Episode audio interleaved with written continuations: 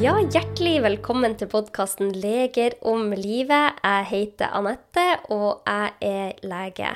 Jeg har laga denne podkasten for å gjøre forskningsbasert, eh, nyttig, god kunnskap lett tilgjengelig for alle.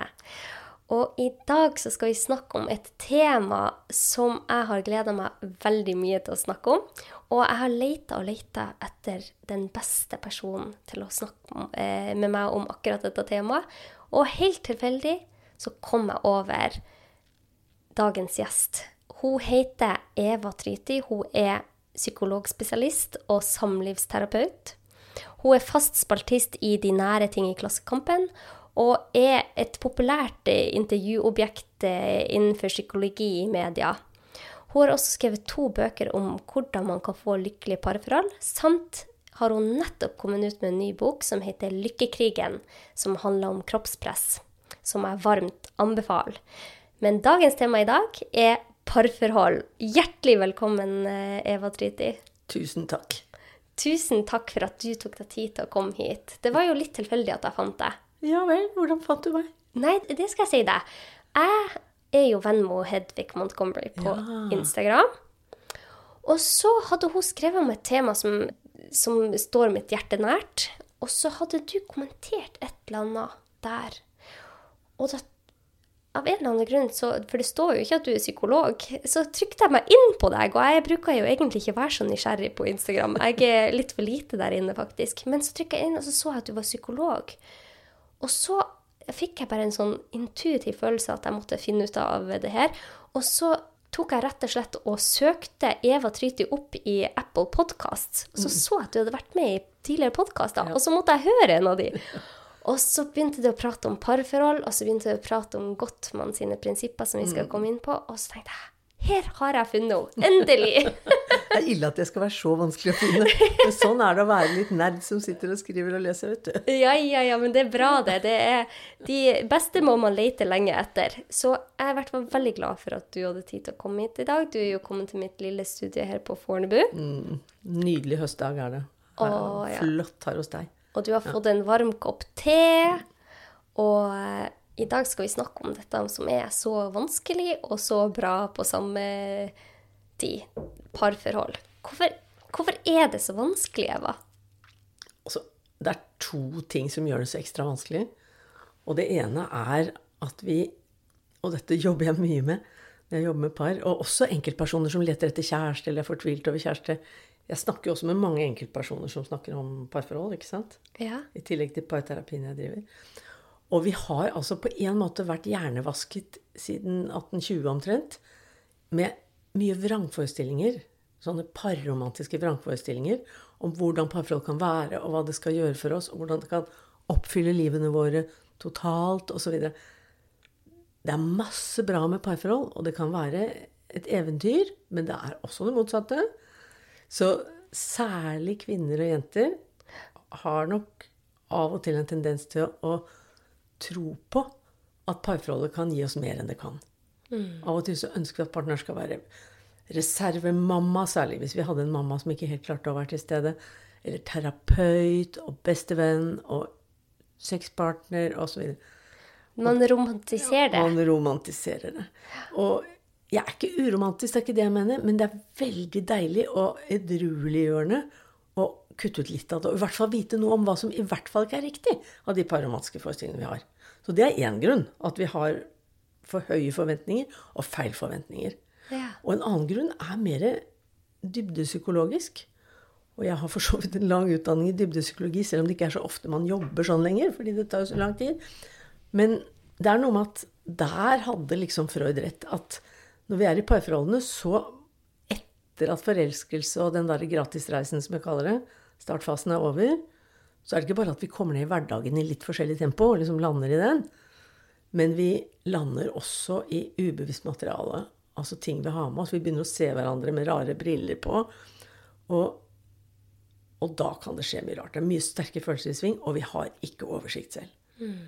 Så pleier jeg å si at når man er forbi de skjærene der, skjærene i sjøen, så skjer det som Cecilie Lang kaller å velge hverandre for tredje gang. Ikke sant? Og da kommer man i smulere farvann. Men så begynner barna å komme, kanskje. Andre ting skjer i livet, og, og da kan det være vanskelig igjen. Og det er jo de nærmeste som trigger de dypeste tingene i oss. Også disse ubevisste temaene. Som ofte er flergenerasjonstemaer. Husk på det. Og hvis vi har med oss, til, eller alle har med seg noen sånne temaer som har gått i flere generasjoner, stort sett uten at vi vet det Og hvis vi har med oss sånne, så er det liksom ti ganger så vanskelig å jobbe med dem. Men da er vi desto mer heltete hvis vi greier det. Ikke sant? Nettopp. Ja. Så i en partner så er det kanskje veldig lett å tenke at åh, når jeg finner drømmekvinnen eller drømmemannen, så blir hele livet komplett, og alt skal bli perfekt, og jeg skal endelig føle meg så bra som jeg eh, hele tida har drømt om, og så krasjer hverdagen. Og så er det jo de samme problemene som du hadde før for, eh, forholdet. De kommer jo tilbake. Ja. Hvorfor, hvorfor er det så Hvorfor har det blitt så romantisert? Har det blitt mer romantisert nå enn det var før, tror du? Også hele parromantikken, altså romantikken som epoke i Vesten, liksom, har noe med dette å gjøre. Det var jo liksom, Man, man skulle slippe følelsene fri. Følelsene var ekstremt viktige. En sånn reaksjon på opplysningstiden, ikke sant? Så, så det er jo noe med det. Helt fra 1800-tallet så har vi i Vesten liksom mange av oss i hvert fall tenkt at det føles kjempeviktig, det gjelder å slippe dem fri. Og, og, og så har vi koblet det til paromantikk. Og det er jo bøker man har lest. Også i dag sitter jo unge lesende jenter og leser Jane Austen og ser på romantiske filmer, historiske filmer osv. Men det er klart, det har jo dratt seg på, fordi vi ser så mye mer filmer nå, f.eks. Ja. Og Hollywood, alle disse masse serier og sånn, er jo bygd over samme lesten. Så finne, Særlig dette med å finne den perfekte partner. Og det er mye illusjon, altså. Ja, og der er kvinner og menn ganske Jeg har så mange guttevenner Ja. som eh, ikke føler de har funnet den perfekte ennå. Og da tenker jeg, hva er den perfekte for Hva det... sier vennene dine? Hva er det de leter etter, disse guttevennene dine? Ja, de, nei, de eh, har ikke funnet den dama som utfyller de. Jeg har et par-tre venner som sier det. Og, og da tenker jeg Er det virkelig sånn at det er en perfekt partner for deg? Nei. Ok, da har du avkrefta det. Det er en av illusjonene. Det er sikkert noen titusener ikke sant, som kan være veldig gode partnere. Ja. Men, men uh, uansett hvilken partner du kommer med, også om du treffer en av de som kanskje er nokså optimal match for deg, da, ja. eh, så, så, så vil du stå i mange av de samme problemene, og dere vil måtte jobbe med det uansett. Ja, for det går igjen, syns jeg. At når du snakker med de som har vært sammen i 30-40 år, og jeg snakker med besteforeldre, så sier alle ja, man må jobbe hardt for forholdet. Og da tenker jeg, må man virkelig jobbe hardt? Finnes det ikke en sånn snarvei her? Just, det fins jo snarvei ved å le, lese de riktige bøkene, og høre på det vi snakker om nå, selvfølgelig. Ja. Og lese mine bøker, for den saks skyld. Men, Ja. men altså hvor man Det hjelper å lese de kloke bøkene om det. Uh, Fordi da, da kommer man i hvert fall ikke på blindspor. Ikke sant?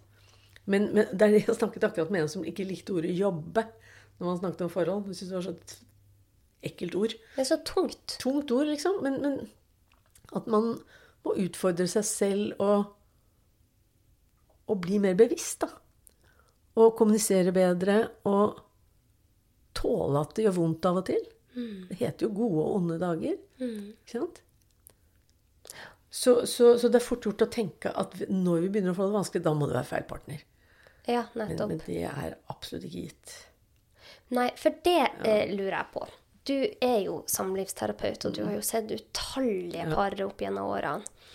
Men er det noen gang du tenker uff, de der burde faktisk ikke ha blitt sammen? Det jeg kan tenke av og til, er at dette problemet er så vanskelig at jeg tror ikke disse klarer å løse det. Eller her har det skjedd for vonde ting. Det blir nok for, kanskje for vanskelig for dem å komme videre. Og der kan vi jo tenke på ja, alt fra vold og utroskap og, og og ikke bare et seksuell utroskap, men at man har lurt hverandre, sviktet hverandre på viktige punkter. Altså, det er viktig å få hjelp, profesjonell hjelp når man står i sånne virkelig smertefulle parpunkter. Men Det er ikke alltid man klarer å gå videre. Det kommer litt an på omfanget av det. Men det kan også være altså Det vi ikke snakker så mye om, er jo at av og til så er en av partene dårlig fungerende psykisk. Ikke sant? Og alt fra altså dette med voldsproblematikk til nær sagt rusproblematikk. Alle de tingene man finner i diagnoseboka for eh, psykiaterne liksom, og psykologene. Det er klart det er vanskelig å, å leve med det i et parforhold. Og det blir ikke noe lettere når barn kommer til. Nei. For den som da står og skal ta støyten. Det er veldig vanskelig. Man har vondt av den som sliter, som sikkert trenger hjelp, men, men det kan være veldig vanskelig. Også somatisk sykdom kan jo bli for vanskelig. Folk kan stå i spagaten, kanskje lenger ut i livet, hvor noen ikke lenger fungerer som partner. Ikke sant? Ikke, ikke seksuelt, ikke følelsesmessig. Man er ikke likeverdig når det gjelder å dele på arbeidsbyrdene. Hva skal man gjøre, ikke sant? Det er vanskelig. Vanskelige moralske dilemmaer. Men det er utrolig mye man kan gjøre Ja. i de fleste parforhold. Ja, det er det. Og det er nemlig det der. Ja, så det, så det er noen Når du har disse parene du tenker 'oi, dette blir vanskelig', eh, sier du det til dem da? Eller Jeg prøver jo å se om vi får til noe. Ja, du gjør det. Jeg gir meg ikke før jeg må. Ja. Nei. Men de som kommer til deg, er de som regel helt på brinken, eller eh, Det er alle, alle varianter. Det er til og med noen som kommer forebyggende Ja. og sier at vi, vi har det ganske bra nå, men vi vil ikke slutte å ha det bra når vi får barn, eller ikke sant? Og det er veldig kult. Det er Åh. luksus. Ja, men det er litt sånn Jeg tror at den amerikanske mentaliteten der kanskje begynner å komme litt til Norge, for der er det jo mye vanligere å gå til psykolog. Men, men nå skal det sies at den måten jeg jobber parterapeutisk på, det er ikke mange timer. Nei. Nei, Det er ofte to sånne litt kjappe ganger. Doble, dobbelttimer gjerne. Og så får de noen hjemmelekser, eller de skal holde på med noe. Og så ser vi hverandre kanskje én, to, tre ganger til. Så det er ikke, det er ikke sånn som individualterapi. Nei. Så, så det er liksom enklere å si, investere i eller ta sjansen på, da. Ja, så du ser at eh, par som virkelig har det vanskelig, kan få det veldig bra. Å ja. Mange, mange. Mange, mange. Stort sett så får jo par det en god del bedre av å gå i parterapi. Ja. Og stort sett løser vi jo problemene rimelig. Altså, men vi, vi, jo, vi må jo ikke være ute etter det perfekte, for det fins ikke. Ikke sant? Nettopp. Nei. Det har jeg blitt mer og mer bevisst på i de senere årene, at eh, det å ikke ha forventning om at samboeren eller mannen eller kvinnen i ditt liv skal dekke alle dine behov. Og Nemlig. det er veldig befriende, syns Ja, det jeg. er det. Det er befriende for forholdet, men det er befriende for en selv òg. Og jeg ser, det ser mange nå som kanskje Det er jo en del, det er blitt en skilsmissetopp opp når, når barna har flyttet ut. I, før så var det ingen som skilte seg etter 25 år, men nå gjør vi det. For vi ser at det liksom er mulig å ha et liv til. Oh, ja. Du, du, vi blir eldre òg, men, men liksom, det går an å date når du er 50-60-70. ikke sant? Så det er flere brudd da, og det kan jo være ganske tøft, og særlig hvis bare den ene vil. Men, men det er noe med å se realistisk på mulighetene òg. Kanskje man har jo gjort det beste ut av det lenge, og så står man ved et punkt hvor man tenker at Nei, jeg lurer på om, eh, om, om det var det ja. for oss. Ja. Anbefaler du at de prøver først parterapi, da? ja, mange gjør nok det. Ja. Og særlig hvis den ene parten ikke, ikke er innstilt på dette.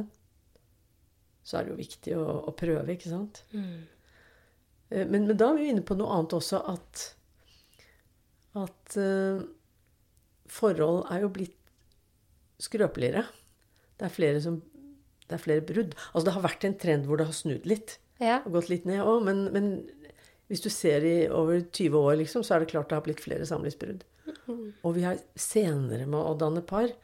Så i større del av livet er vi usikre på vår egen verdi som kjærester. Og leter kanskje og finner ikke sånn som vennene dine og sånn.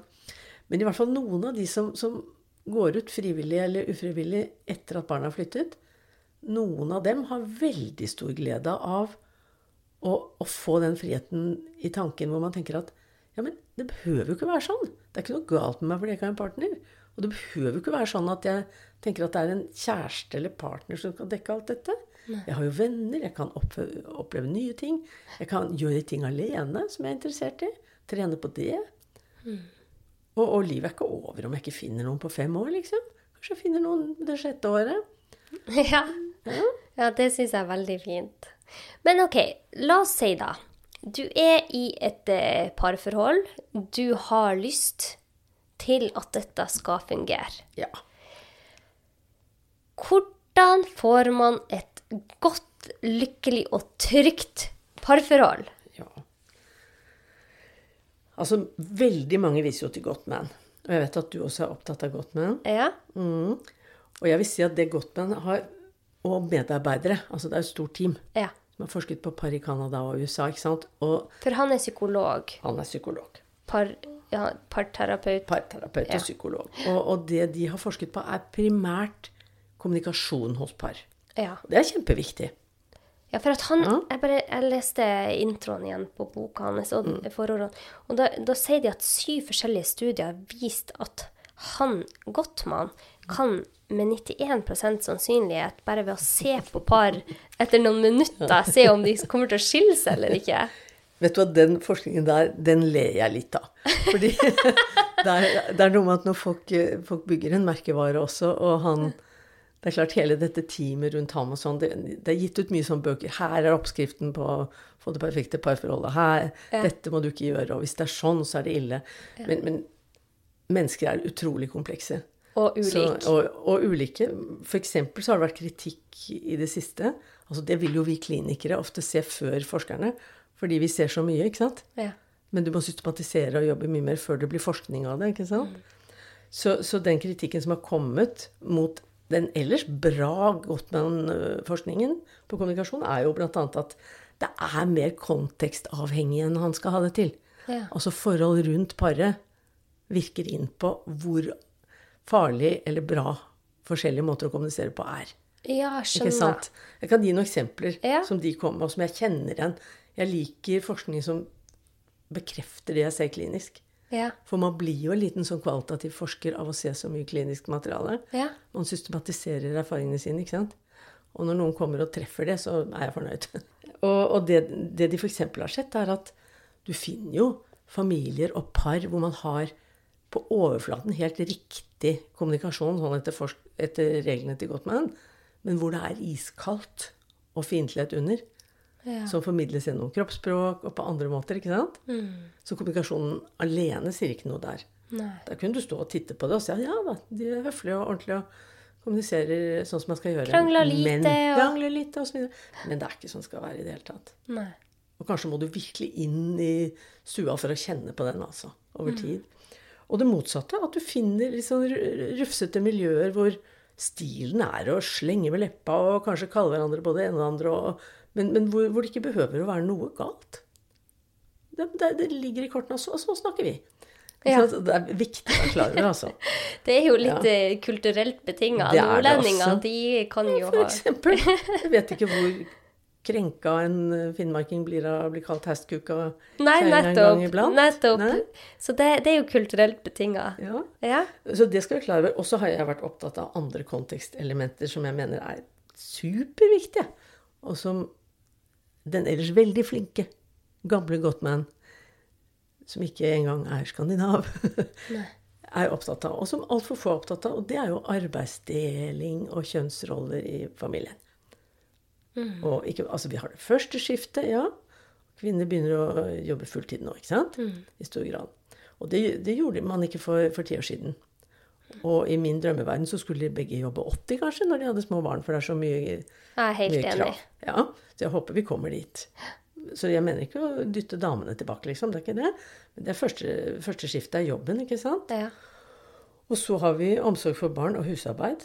Og når man får barn, så er det jo en fulltidsjobb på toppen av det husarbeidet man gjorde da man var et par som bodde i en liten lettstelt leilighet. Det er en fulltidsjobb i et lite tomannsfirma. Så det er ikke så rart man egentlig trenger å gå mindre enn 100% Og dette plager par så mye at jeg jobber med det hele tiden. Og det er det ikke så mange som gjør. Men dette er kontekst så det holder, altså. Dette er viktig. ja. Og så har man det som man begynner å snakke om nå, det tredje skiftet. ikke sant? Og ha sjefen i familien har oversikt over alt. Og bursdager og julepynt og møter på i barnehagen og ikke sant? Og det er så mye. Uendelig. Ja. Og det er nesten bare damer som gjør det tredje skiftet. Ja. Og så har mange familier det fjerde skiftet når det er noe spesielt. Utfordringer på skolen, en syk gammel mor, barneastma altså, Ja, Og ja, i ja. annenhver familie er det jo noe. ikke sant? Ja, ja, ja. Og det også er, når det er sykdom eller noe spesielt, så er det veldig ofte kvinnene som trår til og tar det. Enten de må gå ned i jobb, eller hvordan det er. Og så har vi det femte skiftet, som jeg håper jeg en gang kan snakke med deg om, som dreier seg om utseende. Ja. Utseendekrav til kvinner versus menn. ja. Så, så liksom Jeg har dette med meg når jeg snakker med par. Og så kan vi snakke om godt med og sånn, men jeg må se på alt det andre Så det er fem skift du har Mm. eh, kategorisert i. Det syns jeg var veldig flott. Veldig bra. Og dette er kontekst. Akkurat som kultur er det. Jeg må Ja. jo se hvem som kommer inn døra. Jeg kan ikke regne med, uansett hvilke, ja, hvilken kulturell bakgrunn du har, at de skal te seg på samme måten i terapirommet eller med hverandre. Det er jo ikke sånn det er. Jeg må jo klare å henge med på de som kommer inn døra. Mm. Så det er bra at han får litt kritikk for det. Men ellers er Gottmann-forskningen veldig bra. OK! Ja, men husk at den er det den er. Ja, men så bra. OK. Så hva, hva er det kon- han, Gottmann han snakka jo om de syv prinsippene, og så snakka han om, om de fire rytterne, hva som er ikke bra. Eh, bruker du det i din eh, Det gjør jeg. Ja. jeg. Jeg bruker veldig ofte det. Hva, hva er Vi kan gå inn på det litt dårlige først, og så det bra etterpå. Mm. Hva er de fire rytterne? Altså, poenget er at eh, via forskningen sin så har de funnet noen ting, noen elementer i kommunikasjonen hos par, som er skumle. Og det er jo der de kanskje sier at hvis det er mye av dette, så er de skilt om fem år, sier Gottman. Ja. Altså det, jeg syns ikke man skal spå på den måten. Men, men det man kan være sikker på, er at det er destruktivt. Ja. Og han sier at disse fire rytterne, de undergraver relasjoner. Ja. Så hvis man lærer dette her, så er det ikke bare at det er nyttig i parforhold, det er nyttig på jobb, nyttig overfor venner, barna dine. Ikke sant? Dette er kommunikasjonskunnskap, på en måte. Bevisstgjøring av kommunikasjon. Men husk altså på at det hender at man kan At det går an å være iskald og snakke helt riktig og, Ja. og slenge med leppa, og, og det var ikke så gærent. Man må, må tenke litt på hvor man er. Men de fire er Altså, den første er kritikk. Å gi mye kritikk. Det er veldig skummelt. Og det er lett å gjøre, altså, for vi lever i en perfeksjonistisk tid. Og ofte har vi en indre kritiker selv som herjer med oss. Og da syns vi at den lille kritikken jeg gir mannen eller kona mi eller barna mine, er jo ingenting mot den indre kritikeren i meg. Men kritikk er veldig lite sunt. Og det går an å komme rundt det. Og, og få til endringer på andre måter enn ved direkte kritikk. Ja. Så hva er, hva er en god måte da å komme seg rundt kritikken? For det er veldig lett Mm. kom til den åh, hvorfor tok du ikke oppvasken? Du får det aldri til. Eller åh, du henter ikke barna i barnehagen. Du gjør det aldri. Sånne, sånne kommentarer. Og alt det der, ikke sant? Og også andre ting. eh, Hvor kritiserer hverandre som personer. Det er jo det verste, da. Man føler man er kritisert som person. Ja. ja. Ikke sant? Personlighetstrekk og jo, for det, det jeg gjerne starter med når jeg lærer et par Jeg pleier å kalle det krangleregler, jeg. For dette er jo når vi er i kranglete kommunikasjon. Sånn på, når vi er, har det hyggelig, så pleier vi ikke å snakke sånn til hverandre. Men når, når det er litt eh, konflikt eller strid, ikke sant? Og da pleier jeg å si at man skal unngå personkarakteristikker. Ja. Ikke sant? Sånn. 'Å, du er så lat eller håpløs', eller 'Å, du ligner på mora di', eller Ikke sant? Og også sånne globale ting. Sånn, sånn sort-hvitt ting. Ofte begynner det med 'alltid aldri'. Ja. Du husker aldri på det, du. Det nytter ikke Nei, det er helt fullstendig sånne ting. Det, det pleier jeg å si først. At liksom, det skal man prøve å trene på og ikke gjøre. Og at man rett og slett kan lage et lite tegn og vifte litt til hverandre og sånn, for, for man må jo bevisstgjøre seg det for å endre vaner. Ja. Også kommunikasjonsvaner. Ja. Man kan ha et lite tegn til hverandre hvor man ikke går i en sånn metadiskusjon. At du er mye verre. For, ikke sant? Men bare sånn, man tar det der lille tegnet, og så reformulerer man det. Og hemmeligheten med de gode formuleringene der er jo at man skal prøve å holde seg til at når du gjør X, føler jeg Y. Når du ikke ser opp når jeg kommer om morgenen, blir jeg lei meg. Ok, nei, men jeg skal hilse på deg. Ja, ja, ja. Så når du glemmer, barn, klemmer å hente barna i barnehagen, blir jeg redd. Ja, ikke sant? Ikke sant? Ja. Det gjør du sikkert hvis han glemmer det. Ja, ikke sant? Mm. Og også sånn generell kritikk, f.eks. overfor barn. At man prøver også å velge kritikken med omhu. Eller om man er leder for noen. At man prøver å tenke godt gjennom før man kritiserer. Må jeg si det? Hva, hvilke kamper skal jeg ta? Og egentlig prøver å gi mye mer ros enn kritikk. Vi er sårbare for kritikk. Så man skal eh, prøve å rett og slett gå inn for å si mer positive ord enn negative ord. Og, og legge vekk mye av det. Og, og noe, av det, noe av det man ofte kritiserer hverandre for, er jo sånn jeg prøver å rydde i når jeg lærer folk å ha god arbeidsdeling og sånn, så man ikke behøver å gå småkrangle om alle disse tingene. At man har system på det, ikke sant? Hvem som har ansvaret for hva? Ja, rett og slett. Så når det er snakk om arbeidsdeling og alle disse skiftene, og sånn, så jobber jeg helt systematisk med at de setter seg ned og lager lister og organiserer det, sånn at minst mulig må krangles om. Åh, Ja. det likte jeg veldig godt. Ja, Jeg liker å ha system. Altså. Jo, men det hjelper masse. Det fins jo par som kommer tilbake og sier ja, men dette var fint. Nå, takk for oss. Ja. Det var ikke noe mer de trengte. Men du sa det å gi et tegn. Så gi altså eksempel eh, vinke med handa. Hvis Nå har du gått inn på en av de fire rytterne. Du må ikke si det engang. Du bare, du, hvis dere er enige om at et lite tegn betyr at man må tenke Oi, hva sa jeg nå? Å ja. Ikke sant? Ja. Når begge kan det, så kan man jo bare reformulere. Ja, uten at Men, det men ikke sant, dette var de der tingene man skal prøve å unngå å si. Ja. Men så kommer til rytterne. Og de kommer jo gjerne når man har gått og tråkka og hatt det ubehagelig med hverandre lenge. Og kanskje hatt litt dårlig krangletil lenge. Så, så begynner det å bli mer kritikk. Og kritikken blir mer personfokusert og styggere, ikke sant? Og, og så kommer rytter nummer to, som heter forakt. Ikke sant? Og det er Altså, da jeg lærte disse tingene Jeg har jo levd med samme mann nå i mange år. Ja. Og, og da jeg lærte disse tingene for kanskje 15 år siden, sånn, da syntes jeg det var litt ubehagelig. For jeg hadde jo gått masse i terapi og kunne jo mye om kommunikasjon. Jeg, men det var så mye jeg kjente igjen av vår, våre samtaler og våre krangler at det var litt skremmende. Men da kan man jo gjøre noe med det. Så dette er veldig vanlig. Og det er det som er veldig skummelt, og det er derfor det er så viktig at Gottmann og de har funnet det, og liksom kokt det ned til disse punktene, fordi det er så vanlig. ja. Så hvis man gjør dette, så må man ikke tenke at vi er så fæle vi er. Ja. Det er veldig fint at du Ja. sier.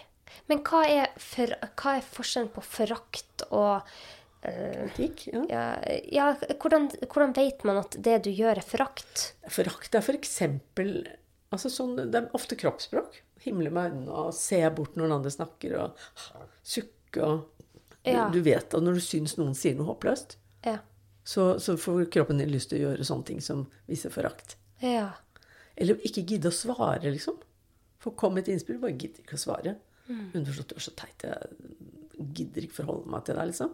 Mm. se bort når noen kommer inn og sånn. Ikke hilse på folk. Alt er foraktkommunikasjon. Sant? Og det er vi sårbare for, altså. Vi føler oss krenket og avvist og flaue og Sant? Jeg husker da jeg var student, så var det en del som hadde den stilen at de ikke hilste på folk de kjente i korridorene. Og det er ganske stygt. Det er nesten som en liten mobbing. ja. Man kjenner hverandre, men man later som du fins ikke. Du går forbi meg nå, men du fins ikke, liksom. Uff. Det er foraktkommunikasjon. Og sånn holder man på ved skolegårder òg. Ja. Den der stille mobbingen, den utfrysingsmobbingen, er foraktkommunikasjon. Det er skummelt. Mm. Ja.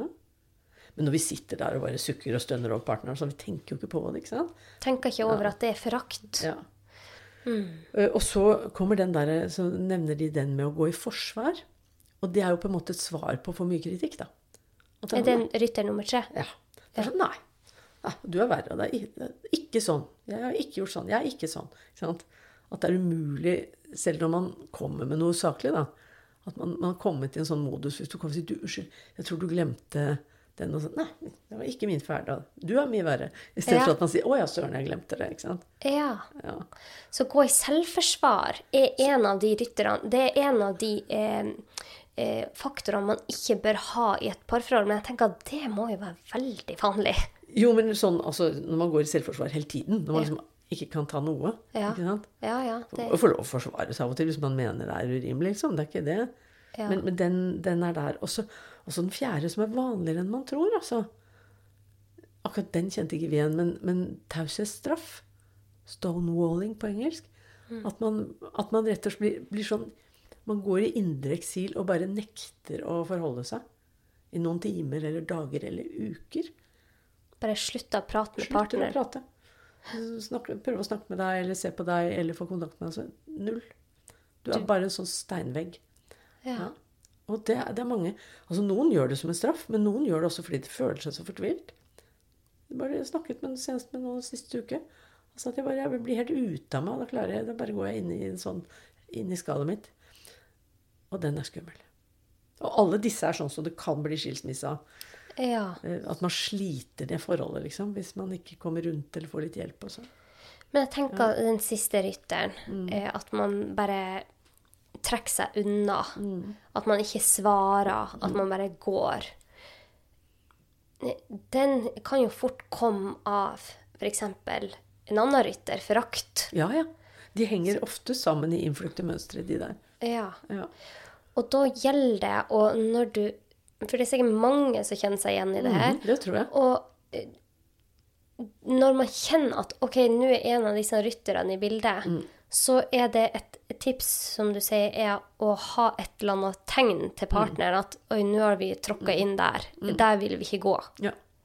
Ok. Ja.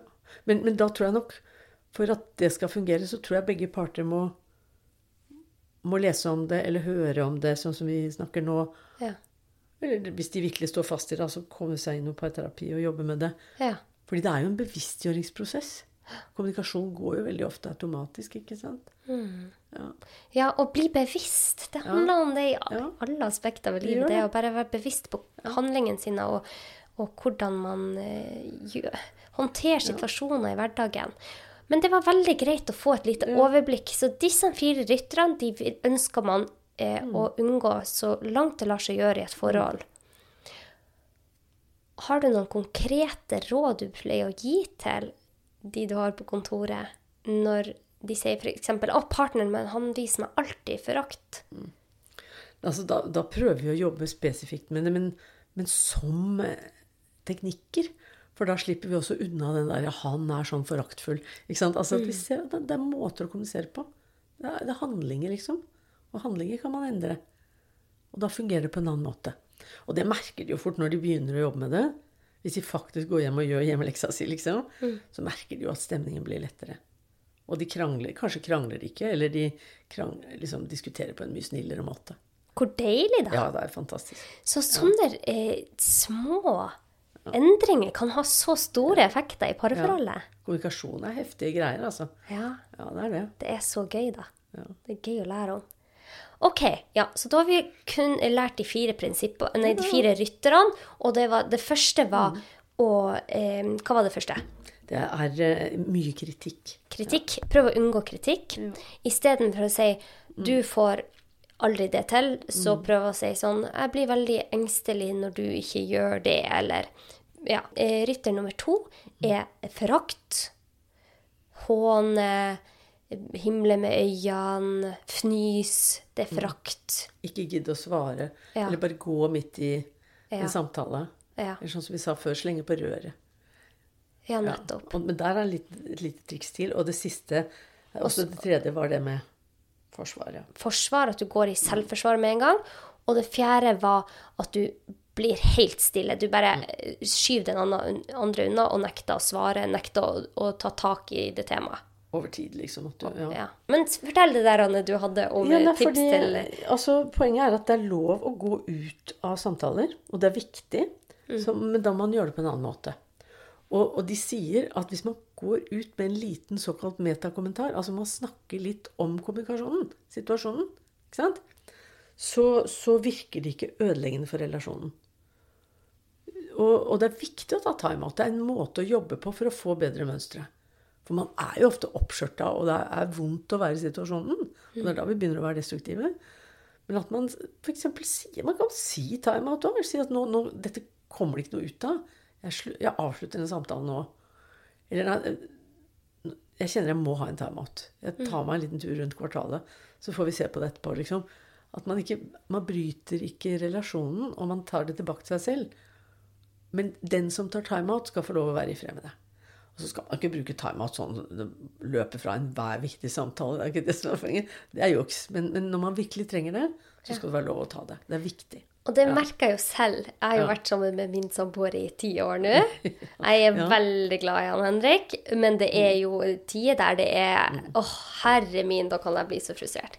Men jeg merker jo hvor utrolig deilig det er når vi tar sånne timeouter som vi er blitt litt bedre på, og kommer tilbake til det etterpå. For da er vi rolig. Vi har ikke stresshormonene i kroppen som påvirker følelsene våre. Det er et helt annet sted. Ja, man klarer, å, man klarer å se det med andre briller på. Eh, ok, så det, det er rett og slett at man skal si nå har det gått litt over styr her, kan vi ta en timeout? Mm. ok. Men når det kommer til hva man skal ha for noen gode ting i forholdet i stedet, så er jeg litt mindre på, på han. For der er det så mye, ikke sant? Og det kommer så an på paret. Hva som er deres ressurser, og, og, og hva man skal spille på. Men det er klart, noe av det som er veldig viktig, og som er litt trist nå for tiden, og som en del forskere og sexologer og sånn sier at de lurer på, det er det at det er så mange som ikke har noe særlig sex. Ja, Ja, det er sånn sextørke i de tusen hjem. er det sant? Ja, det har tendens til det. Jeg trodde det skulle, at det tok seg opp etter covid, at alle var hjemme og lagde barn. Jo, det har kanskje tatt seg litt opp etter covid, men hvis du ser over litt lengre tid, Ja. at det har vært sextørke, og man skulle jo tro liksom at å, vi har blitt mer frie, og vi vet mer om sex, og det, kvinner er mer frigjort, og flere kvinner får orgasmer, og dette blir fint. Men, men altså, svaret er veldig enkelt. Vi er slitnere. Ja. Ja. Fordi paret jobber mer. Hvis de kanskje jobbet samlet liksom 160% for ti år siden, så jobber de 220 nå. Og, og, og en god del par jobber, klarer seg på et vis også med noen lange sykemeldinger. og Sånn som nesten alltid damene som går i dørken, for de har mest. Selv om det er urettferdig, så er det sånn fortsatt. Så det er klart, noe av det første som ryker når man er så sliten, og mer sliten enn altså Hvis jeg var diktator, så skulle ikke de behøve å jobbe så mye, disse damene og mennene, når de hadde barn. Eller syke tenåringer, eller hva det var. De skulle få litt mer pauser. Noe av det første som ryker, er jo sexlivet, altså. Dessverre. Man kan ta vare på det, og det er viktig. Men, eh, men det er, den er skummel. Så, så det vil vi gjerne ha. Men ja, hva sier forskninga på dette med sex? Hvor viktig er det i et parforhold? Altså, jeg vet ikke om engang om jeg trenger forskning for å si hvor viktig det er. Fordi, fordi det er jo den Altså, jeg har noen par som kommer fordi de vil leve i åpne forhold. Hvor de kan ha sex med andre, liksom. Ja. Men de fleste vil ikke det. Nei. De aller fleste av oss vil ha ønsker monogame forhold hvor vi ikke er utro mot hverandre, og hvor vi er sammen til vi dør. Det er det vi egentlig drømmer om. Og det mener jeg, det behøver ikke å være noen Jane Austen-illusjon, liksom. Fordi det er jo mange som holder sammen til en av dem dør. Ja. Fortsatt. Ja. Det må vi ikke glemme. Ja. Men, men vi skal gjerne også ha et varmt forhold. For, og da er jo altså, For de fleste av oss er jo sex det ene vi ikke kan dele med andre. Altså Hvis vi tenker at partneren min er kjempebra på mange måter, men er ikke så fin å prate med når jeg strever med noe på jobben, eller eh, hun er ikke så opptatt av konserter som meg, eller sånn, så kan man gjøre det med andre. Og vi- vi trenger jo å ha alle slags kakebiter i familien. Altså hvor vi er sammen med barna, hvor en av oss er sammen med barna. Begge er sammen med barna, hvor vi har partid, hvor vi er sammen med andre, hvor vi er alenetid, begge. Ikke sant? Alt dette skal vi prøve å dekke. Ja. ja.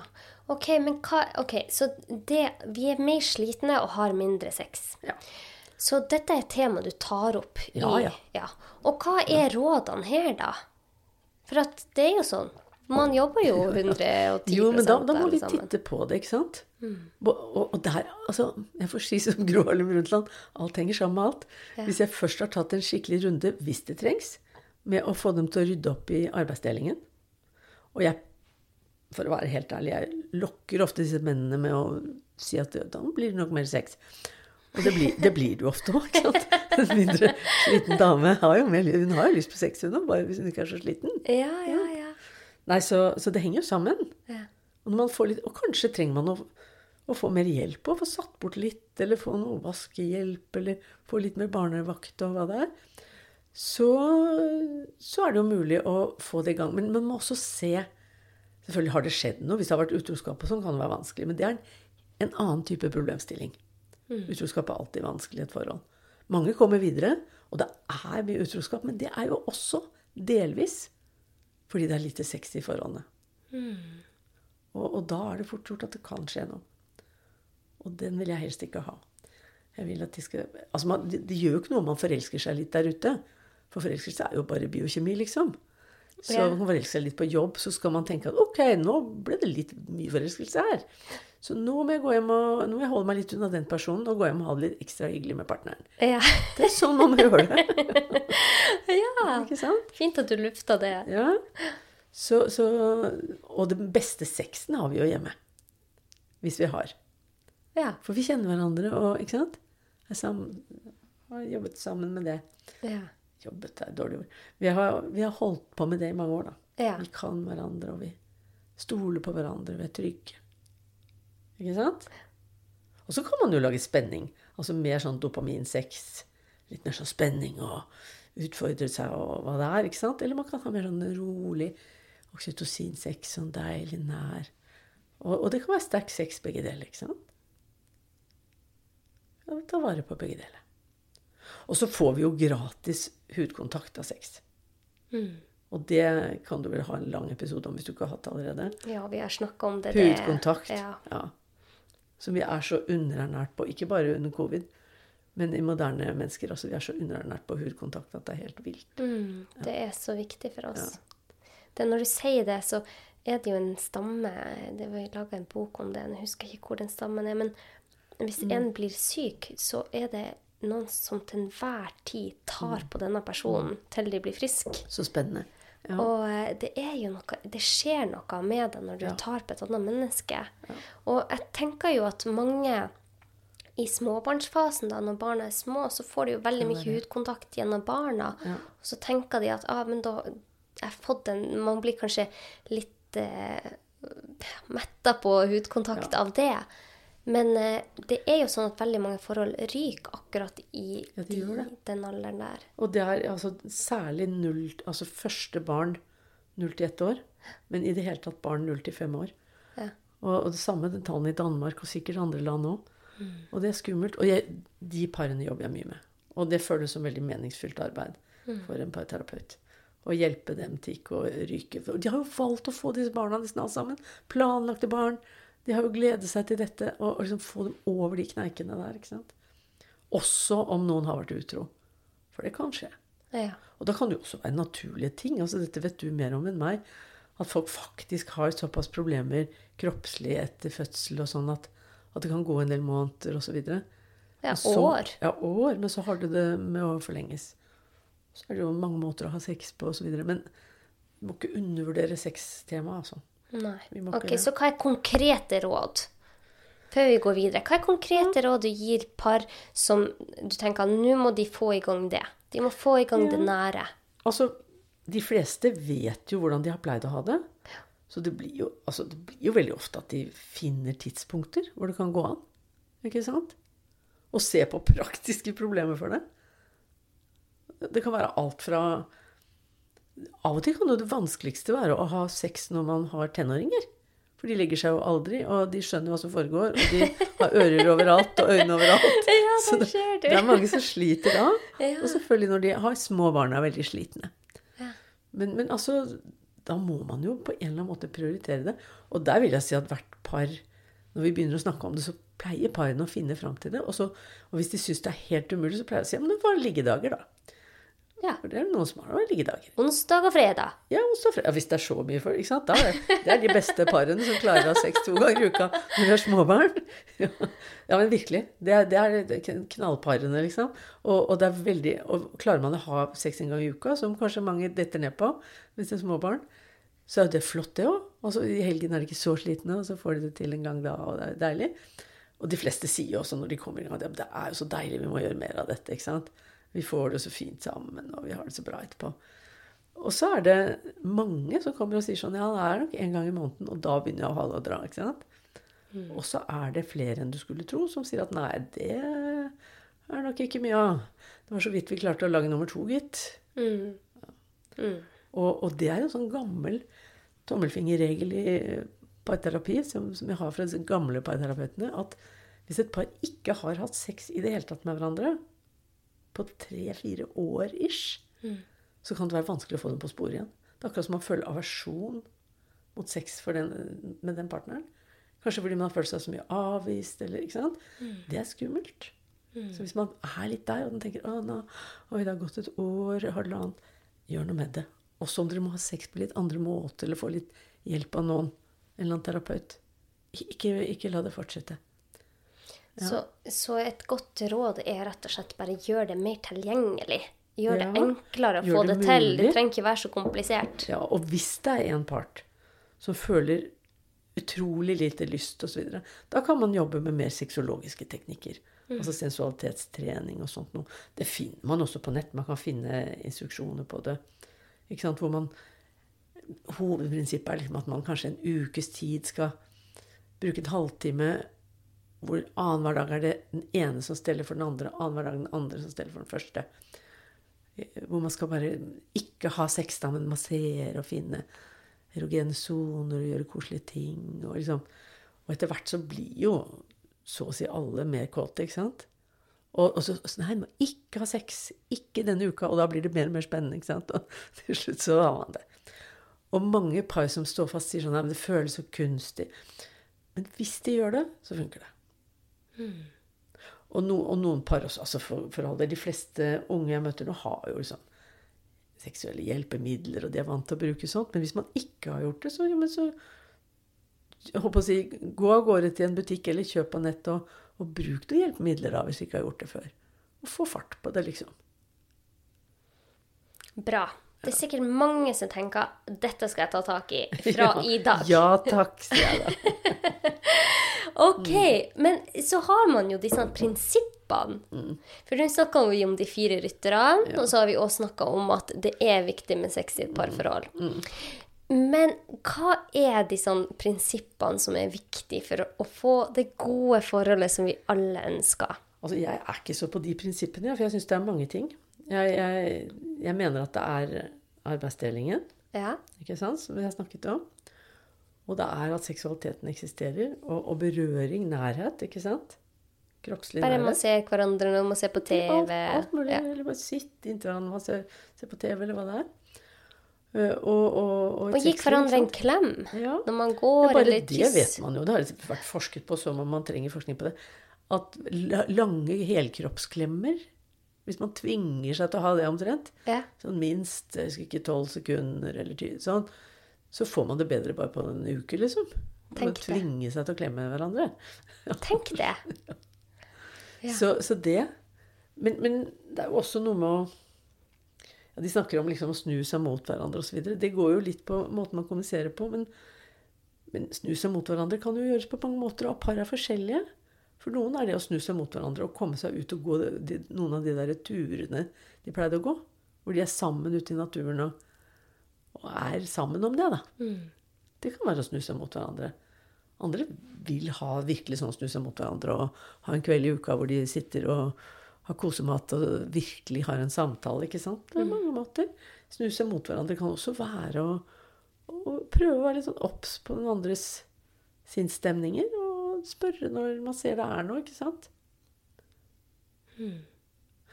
Og så er det selvfølgelig også Se den andre, rett og slett. Ja, Bare det å føle seg sett. Kjærlighetsspråken. Jeg liker det. Det høres veldig sånn ukeblad ut, men jeg liker det begrepet kjærlighetsspråk. Hva er det for noe? Det er de, forskjellige. Det er, det, er, det er, kjærtegn, altså fysisk.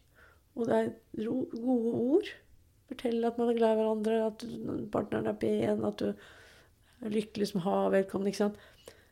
Og det kan være å gjøre tjenester. Og, og gaver. De bør ikke være store, selvfølgelig. Eller å finne på ting, bruke tid sammen, liksom ta et initiativ. Og, og, det er ofte sånn at vi har Det kan også være bevisstgjørende å tenke gjennom. Ofte har vi ett eller to sånne kjærlighetsspråk som vi bruker ubevisst fordi vi er oppdratt sånn, eller det passer vår personlighet. ikke sant? Mm. Men da vil vi også ubevisst håpe å få det samme tilbake. Den partneren er antagelig annerledes enn deg. Et, et, godt ja. eksempel er meg og min samboer. Ja. Bare for å ta et eksempel. Han er jo så veldig glad i å trene. Mm. Så eh, et kjærlighetsspråk vi har, er at mm. jeg gjør et eller annet så jeg får frigjort hans tid, så han mm. får trene. Det er jo en gave. Ja, og i, i, hans hode så han sy det er jo vanskelig å ikke forstå at ikke det går begge veier. Så han, han har jo mange ganger gått på den lille blemmen at han sier at nå tar jeg barna sånn at du kan ta en intervalløkt. Og det er, det er ikke det du drømmer om? Det er ikke det jeg drømmer om. Så det, det, det har han skjønt nå med årene, at det er, ikke, det, er ikke, det, er ikke, det er hans kjærlighetsspråk. Det er det han trenger, men jeg trenger noe helt annet. Og det å finne det faktisk partneren Ja. vil gjøre, om Ja. det er å gå på kafé, selv om du selv ikke syns det er så gøy. Jo, men så hyggelig gave å gi allikevel. Da. Ja, du tåler å sitte der, da. ikke sant? Nettopp. Man må gi hverandre de gavene. Og, og jeg tror kanskje kvinner mer, i mer, har mer behov for å bli sett på den måten at man har kjøpt en kopp til de, eller et eller annet som viser at de blir tenkt på. Men jeg tror jo også menn liker å få, det, få den bekreftelsen at kvinnen har tenkt på de. Og Absolutt. Så, så, men når man begynner å snakke om kjærlighetsspråk, så blir folk seg bevisst hvilke de har, og at de ofte er forskjellige. Og det er kjønnsroller i det òg. Det er veldig mange menn som har eh, handlinger, altså å, hjel å hjelpe til. Eh, Gjøre handlinger som, som kjærlighetsspråk, da. Ja, men så, så skjønner du ikke at jeg elsker deg, jeg vasker jo alltid bilen din. Altså sånn. Ja, nettopp. Ja. Og, og, men ikke er så flinke med ord osv. Fordi det er litt hvordan de er oppdratt. ikke sant? Og kvinner er ofte flinke med ord og opptatt av gaver og sånn. Ja, Menn er ofte ikke vant til å skulle kjøpe så mye gaver. Og... Men kvinner har ofte lært seg mange kjærlighetsspråk fordi vi, vi trener mer sosialt. Så i oppveksten Gjennomsnittskvinnen, ikke sant. Hun trener på å sitte og snakke med venninner og prøve å forstå hva liksom, Snakke om hverandre og, Mm. Og ja, tenke på sånne omsorgsting. Mens menn ofte, ofte tradisjonelt har gjort ting i grupper. Altså du og jeg tingen, vi flyr rundt og gjør noe. Og vi bør ikke være to og to engang, vi kan være en gjeng. Mm. Sant? Så, men, men det kan man jo trenes opp i. Man kan få flere kjærlighetsspråk, og det er hyggelig. Altså, svigerfar han skjønte at um, svigermor ville ha blomster. Og, og det var jo, de var jo den gamle generasjonen, så hun ville veldig gjerne ha blomster ukentlig. Og da, som en klokke, har han gitt henne blomster i jeg vet ikke, 40 år. Nå er fredag. Å, det er fint. Ja, så hvis man forstår hva. To-tre ting som de, du vet partneren din blir veldig glad for, Mm. og prøver å gi det, så i hvert fall en gang i uka. ja, hvorfor ikke? Ja. Og det kan, det kan jo være veldig små ting òg, men, men det Ja. kan vi også bruke overfor barna våre. Av og til så blir vi jo selvsentrerte. Vi har mye å tenke på sånn, og de små tingene. Og lære dem det òg. Så det er jo en måte å bekrefte hverandre på. Og akkurat som disse fysiske tingene, kjærtegn og, og sex og dette, også er veldig bekreftende. Og, og veldig viktig. Det er jo en av måtene å få mindre kroppspress på. Å ha mer motstandskraft mot kroppspress, det er jo å ha et langvarig forhold hvor du blir litt, sånn, litt bekreftet kroppslig. ikke sant? Bare i form av at noen tar i deg og har sex med deg. ikke sant? Ja. Du føler deg ønska. ja. Så dette er mange, mange viktige ting. Veldig Ja. bra. Har du flere eh, råd du tenker, eller eh, aspekter i et forhold Mm. som du ser mange hadde godt av å ha mer av i forholdet? Ja, så Av og til så er det også å ikke, ikke forvente mer. Altså i faser hvor det er mye. ikke sant, Sånn små barn og sånn. At man har en fin arbeidsdeling og, og fortsatt har litt kjærestetid. Og ikke bare sex, men også av og til date litt og sånn. Men at man også kan ha tålmodighet. Og tenke at det, det skal funke over langsen, liksom. Tenk på den ting, en sånn ting som Hvis den ene plutselig har lykkes veldig godt i karrieren, eller skjer noe positivt, den andre mer går sånn og tusler Ja, siden så blir det kanskje annerledes. At man liksom jobber litt med den der sjenerøsiteten. da. Og støtter hverandre. Det kan være litt hardt hvis man sliter litt med selvbildet eller syns at det er trått i eget liv. Men, men det er viktig. Det er, det, er jo være, det er jo kjærlighet. Og også være der i noen grad når det er vanskelig. Men at man ikke tenker at hvis man har det veldig veldig vanskelig, at partneren skal være terapeuten, liksom. Ja. For da sliter man ned folk. Akkurat som man kan gjøre med venner. Det kommer et punkt hvor man både som partner og venn kan måtte si at nå, nå trenger du profesjonell hjelp. liksom. Ja. Det er ikke det at jeg ikke elsker deg eller har lyst til å høre på deg, men, men du trenger mer. Ja. Ikke sant? Ja. ja, ikke sant? For at partneren din kan ikke dekke alle områdene i livet ditt. Nei. Mm. Så, men, men altså Ethvert par er jo som en sånn sin egen lille kultur, akkurat som familier er en helt egen liten sånn mikrokultur. Så, så når eh, par er litt sånn på felgen og så jobber vi med alle, alle disse konkrete tingene, og da blir det gjerne bedre. Men, men et sånt gammelt triks er jo også å begynne å snakke med, om hvordan det var da de ble sammen. Ikke? Ja. Snakk om Startfasen, forelskelsesfasen. For det er jo alltid hyggelig. Og de fleste par lar seg lokke ut på det. Og forteller hva, hvordan traff dere hverandre. Og ja, hva tenkte du om henne da? Og ja, hva tenkte du? Og ja, var du engstelig? Trodde du det kom til å gå veien? Og hva gjorde dere? Og hva var, var typ, typisk dere, liksom? Og å, Man kan jo se på gamle bilder òg, altså. Og begynne å drodle om hvem man var, og hva man gjorde og sånn. Det er veldig oppkvikkende for paret. Akkurat som det kan være altså par som er veldig kjørt, hvis de har hyggelige slektninger, altså svigerfamilier og slekt og venner og sånn, da kan det av og til være veldig bekreftende på paret å være sammen med sånne. Man kommer da og tenker åh, bare dårlig stemning her for tiden. Og så er man sammen med noen som bekrefter en som par. Og så føler man at man også er en del av den større sammenhengen. Plutselig er det akkurat som det blir mer mening og glede inn i paret igjen. Ja. Det- Skjønner du hva jeg mener? Ja, jeg skjønner akkurat hva du mener. Og der, eksempel min eh, mor, hvis jeg er veldig frustrert, så kan jeg finne på å eh, ringe henne og si åh, nå var jeg så irritert. Og jeg vet jo at hun er så glad i han Henrik, så hun tar jo ofte den der ja, men husk på det og det, og han er jo så flott. Og så, og så har jeg lufta det, og så er jeg ferdig med det. Ja. Og det, har- det syns jeg i hvert fall er veldig deilig. Og jeg sier det til noen som jeg stoler helt på, og som jeg vet også vil ta og se den andre sida. ikke. Og ikke gå til noen som du vet faktisk ikke liker partneren din. Nei. For da vil det bare bekrefte alt du tenker, og så er ikke det kanskje sant. Og det er faktisk et viktig poeng når man har, har det vanskelig i parforhold, enten man har fått barn eller ikke har, har det, skal man være litt forsiktig med å Altså man skal være forsiktig med hvem man sier hva til, selvfølgelig, for man skal prøve å, å være litt diskré også, men, men ofte så har venner veldig sterke meninger. Fordi dette er et område av livet hvor vi har få erfaringer, og det er veldig sterke følelser involvert. Mange har dårlige erfaringer, så man kan faktisk få ganske dårlige råd av venner når det gjelder kjæresteforhold og samliv. Det skal man være litt obs på, altså. Det var interessant at du sa. Ja. Ja, for de ser kanskje ikke hele bildet, og kanskje ikke kjenner partneren din lenge ja, og så er det så sterke følelser. Ja. Det, det, det gir klokere råd når det gjelder venner eller jobb eller barn, enn når det gjelder kjæresteforhold og partnere. ja. Ja. Det syns jeg var veldig viktig poeng du kom med der. Så eh, ja. Nei, det, det var bra at vi fikk eh, fram i lyset her. Av og til så kan det også være en idé å gi hverandre pusterom. altså sånn Hvis man er i en fase hvor det går an. altså Man må uansett ha litt alenetid.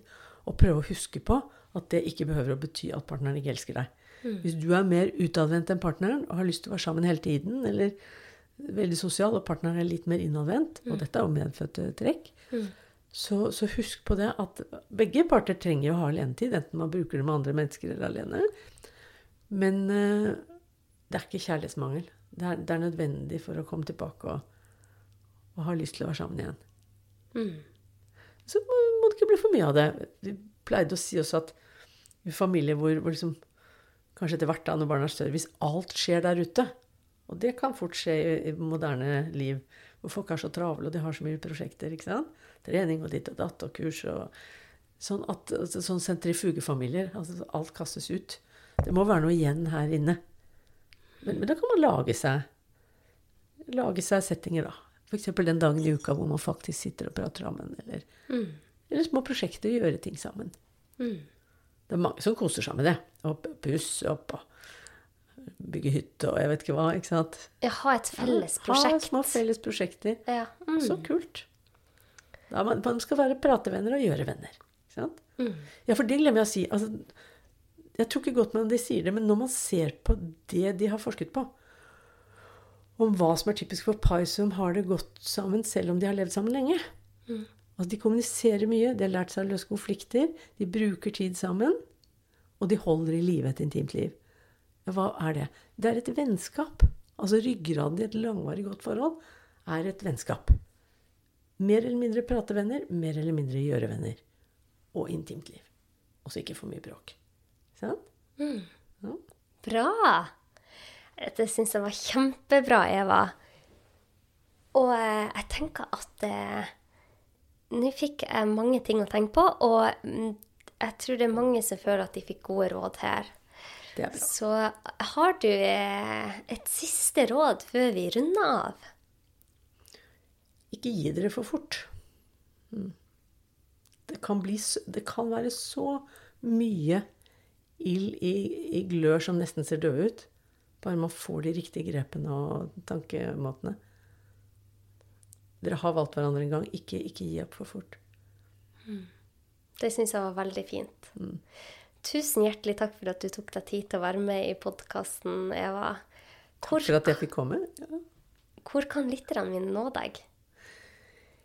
Ja, jeg har ikke noe pod selv, men de kan selvfølgelig kjøpe bøkene mine. De parbøkene mine er gamle, og den boken om, om kropp, altså Lykkekrigen, er ny. Eh, men alt er mulig å bestille. Jeg tror, tror det også går an å få det, få det du kan bestille dem på nett. De kan bestilles på nett, Og de, de heter Evig din, Sex, ja. plikt og kjærlighet, ja. og Eva Trytis beste råd til par. Ja. Også den siste som nettopp kom ut, er Lykkekrigen. Som vi skal ha en annen episode om. Ja. Og så er jeg på evatryti.no, altså rett og slett, hvor det står litt om hva jeg kan, og hvordan jeg jobber og sånn. Ja. Så bra. Da sier vi takk til deg deg, Eva, og takk for at du hørte på. Hvis eh, du har noen spørsmål til meg eller Eva, så vet dere hvor dere eh, når oss. Og eh, hvis du tenker at dette er en episode som hadde passa perfekt for noen, så send den til dem, for det er kun vi, slik vi får den gode kunnskapen ut. Takk for i dag. Ha en kjempefin dag.